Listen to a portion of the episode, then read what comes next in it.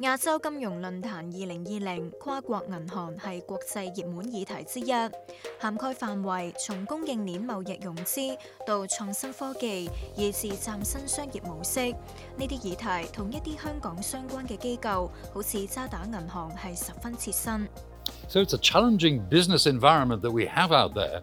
But how does Standard Chartered Bank really view 2020 going forward? Yeah, if you think about the world trends, there are a few trends which is worth noting. First of all is of course digital innovation. Second is the green finance. And the third one is the China opening opportunities. Hong Kong has already got a very strong fundamentals of being a very strong hub of offshore renminbi, the world's largest renminbi hub. And at the same time, we are the house of 164 financial institutions in Hong Kong. So uh, almost 80 of them are actually from the top uh, top 100 banks. So if you see all these opportunities, it says that there are still a very strong attraction in terms of revenue pool in Hong Kong. And really looking at some of uh, the, the areas that you're talking about there, what about the initial public offerings, the wealth management field? These are things that banking has been very good at here in Hong Kong.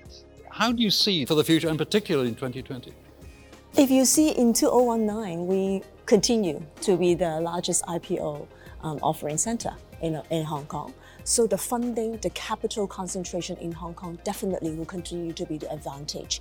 And I think over the year, our uh, accumulation of talents, expertise, knowledge, and our forward looking view in establishing a very strong innovation um, uh, capability supported by also very friendly, uh, um, innovation-friendly policies by the regulators.